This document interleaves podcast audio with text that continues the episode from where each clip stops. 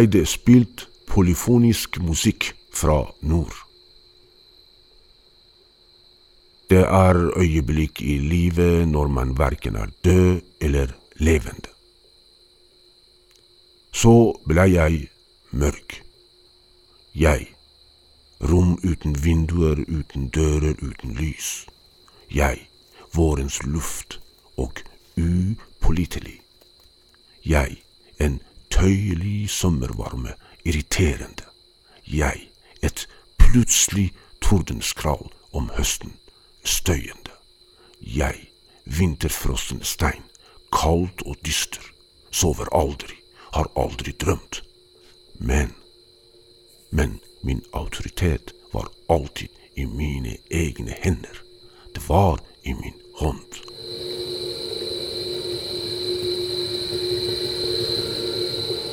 Nå var den milde brisen som blåste gjennom Oslos furuer og ristet håret ditt, min stemme. Han går forbi deg mange ganger, og du vil ikke kjenne ham. Du, i et passivt og likegyldig samfunn som hadde forberedt grunnlaget for selve forbrytelsen slik at de kriminelle bare kunne være et middel til å gjennomføre den, ville si Hei, gult trekantet tempel, katten min sitter ved siden av meg. Hei, hjerteknusende øyeblikk som skjelvende kropp i den brune revolusjonen. Hei, nakne modeller som faller med rynkete smil. Du, du som ikke visste at du er en levende grav.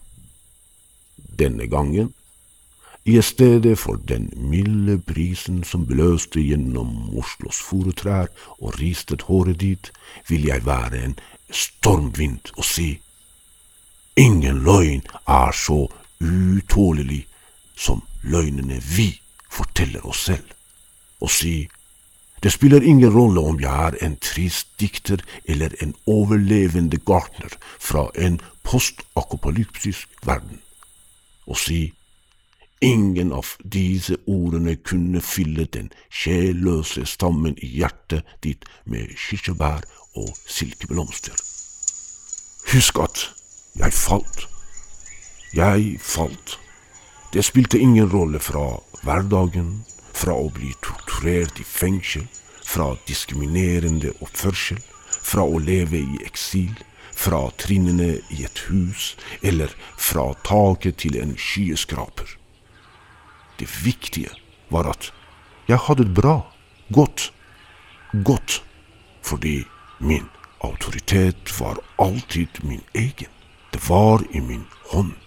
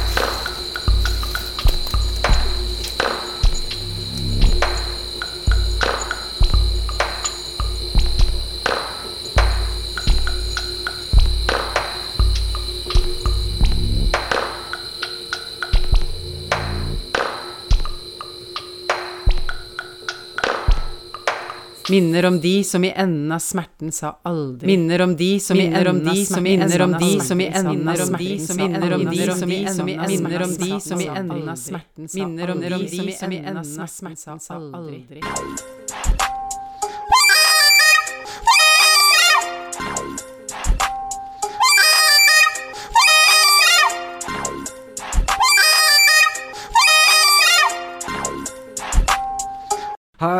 Sitter vi sammen med Jens Martin Hartvedt Arvesen.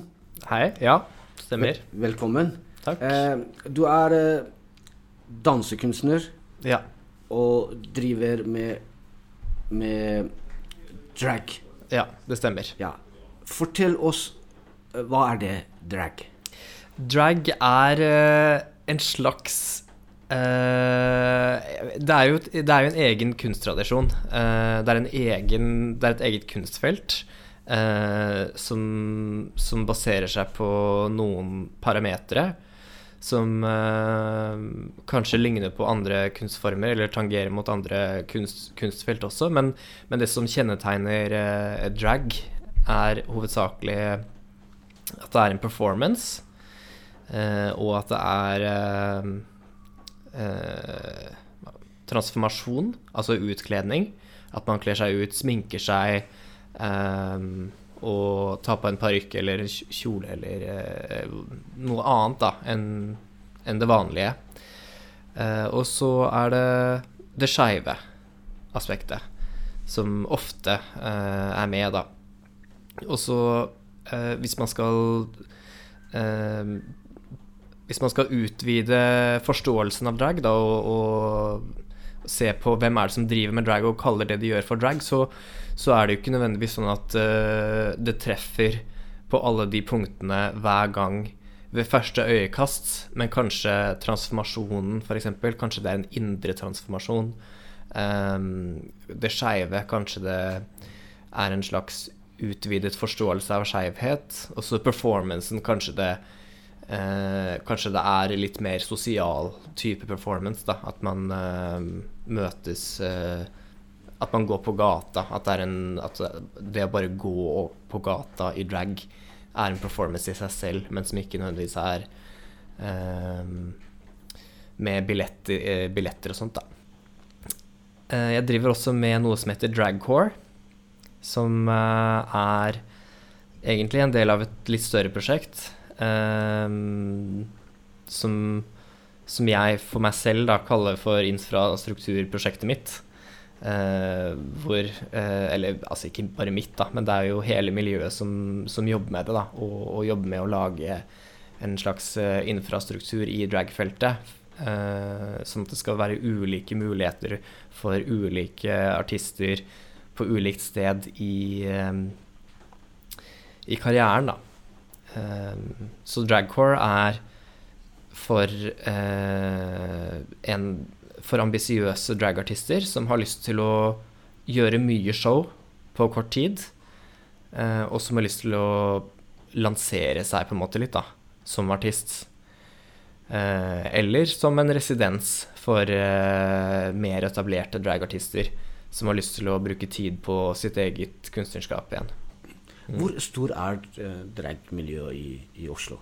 Ja, jeg tenker jo at det er forskjellige, u, forskjellige folk som driver med drag, og um, på forskjellig ambisjonsnivå. Uh, noen opptrer mye, noen opptrer lite. Noen jobber med det aktivt, uh, mer enn bare å opptre.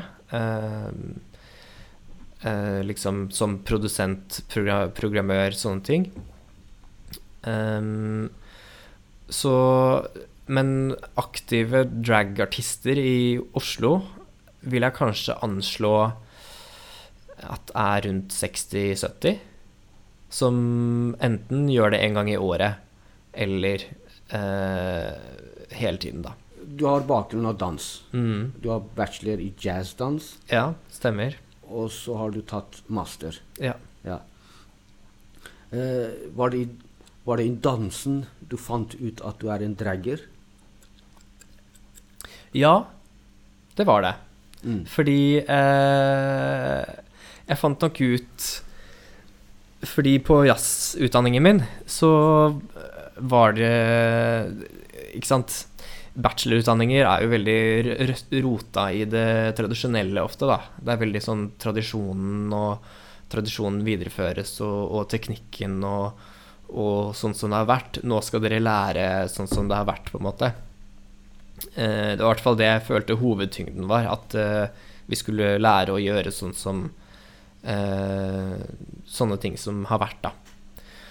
Og, og, da er det jo klart størst andel med, med heteronormativ casting, og, og, også i forhold til markedet, at sånn der Ja, men du skal jo ut på markedet, og, og der er det sånn, og du må løfte damer, og eh, du må på en måte det er jo mange damer i danseverden som skal eh, løftes. Og så at uh, mennene da skal løfte dem. Og sånn er det jo. Derfor, derfor gutter søker på, på, danseskole, for å løfte damene? Ja, er det, det, er derfor vi søker. Det er, det er kun det vi vil. Mm. Uh, men ja, jeg syns jo det ble litt Det ble litt mye fokus på at jeg skulle liksom bli en at jeg skulle kunne få til å være en maskulin mann, eller få til å være så uh, Det var sånn Ja, OK, du kan det feminine. Nå må du øve deg på det maskuline, på en måte. Istedenfor å dyrke egenarten min, da. Uh, og jeg, jeg, skjønner jo I ettertid, i retrospekt, så skjønner jeg at de pusha meg på forskjellige kvaliteter og sånt. Jeg skjønner det jo.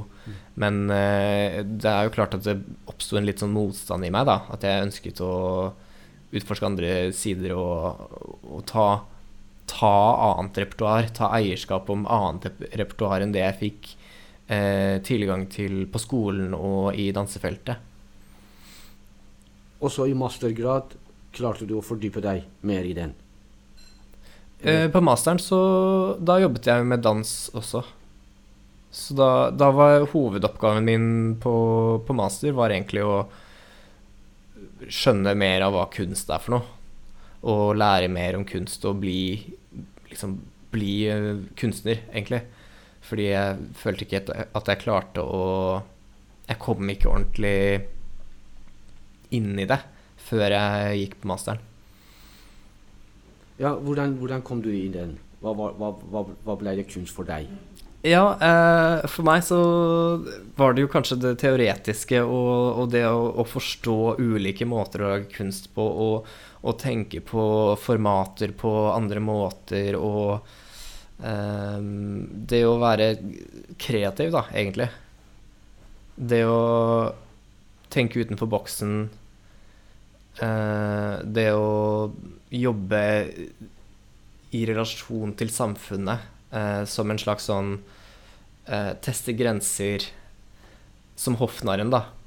Som eh, tester grensene på hoffet, og, og var liksom litt sånn eh, Litt cheeky, da. Litt eh, rampete. Eh, vil du fortelle litt om eh, historien, eh, historien til drag? Mm. Eh, hvor, kommer faktisk, hvor kommer ordet fra? Ja. Og, og, og Er det nytt? Er det gammelt? Altså Jeg vet nesten ingenting. Nei, ikke sant? Uh, selve ordet Første gangen noen sier at de er en drag queen, det er rundt 1880.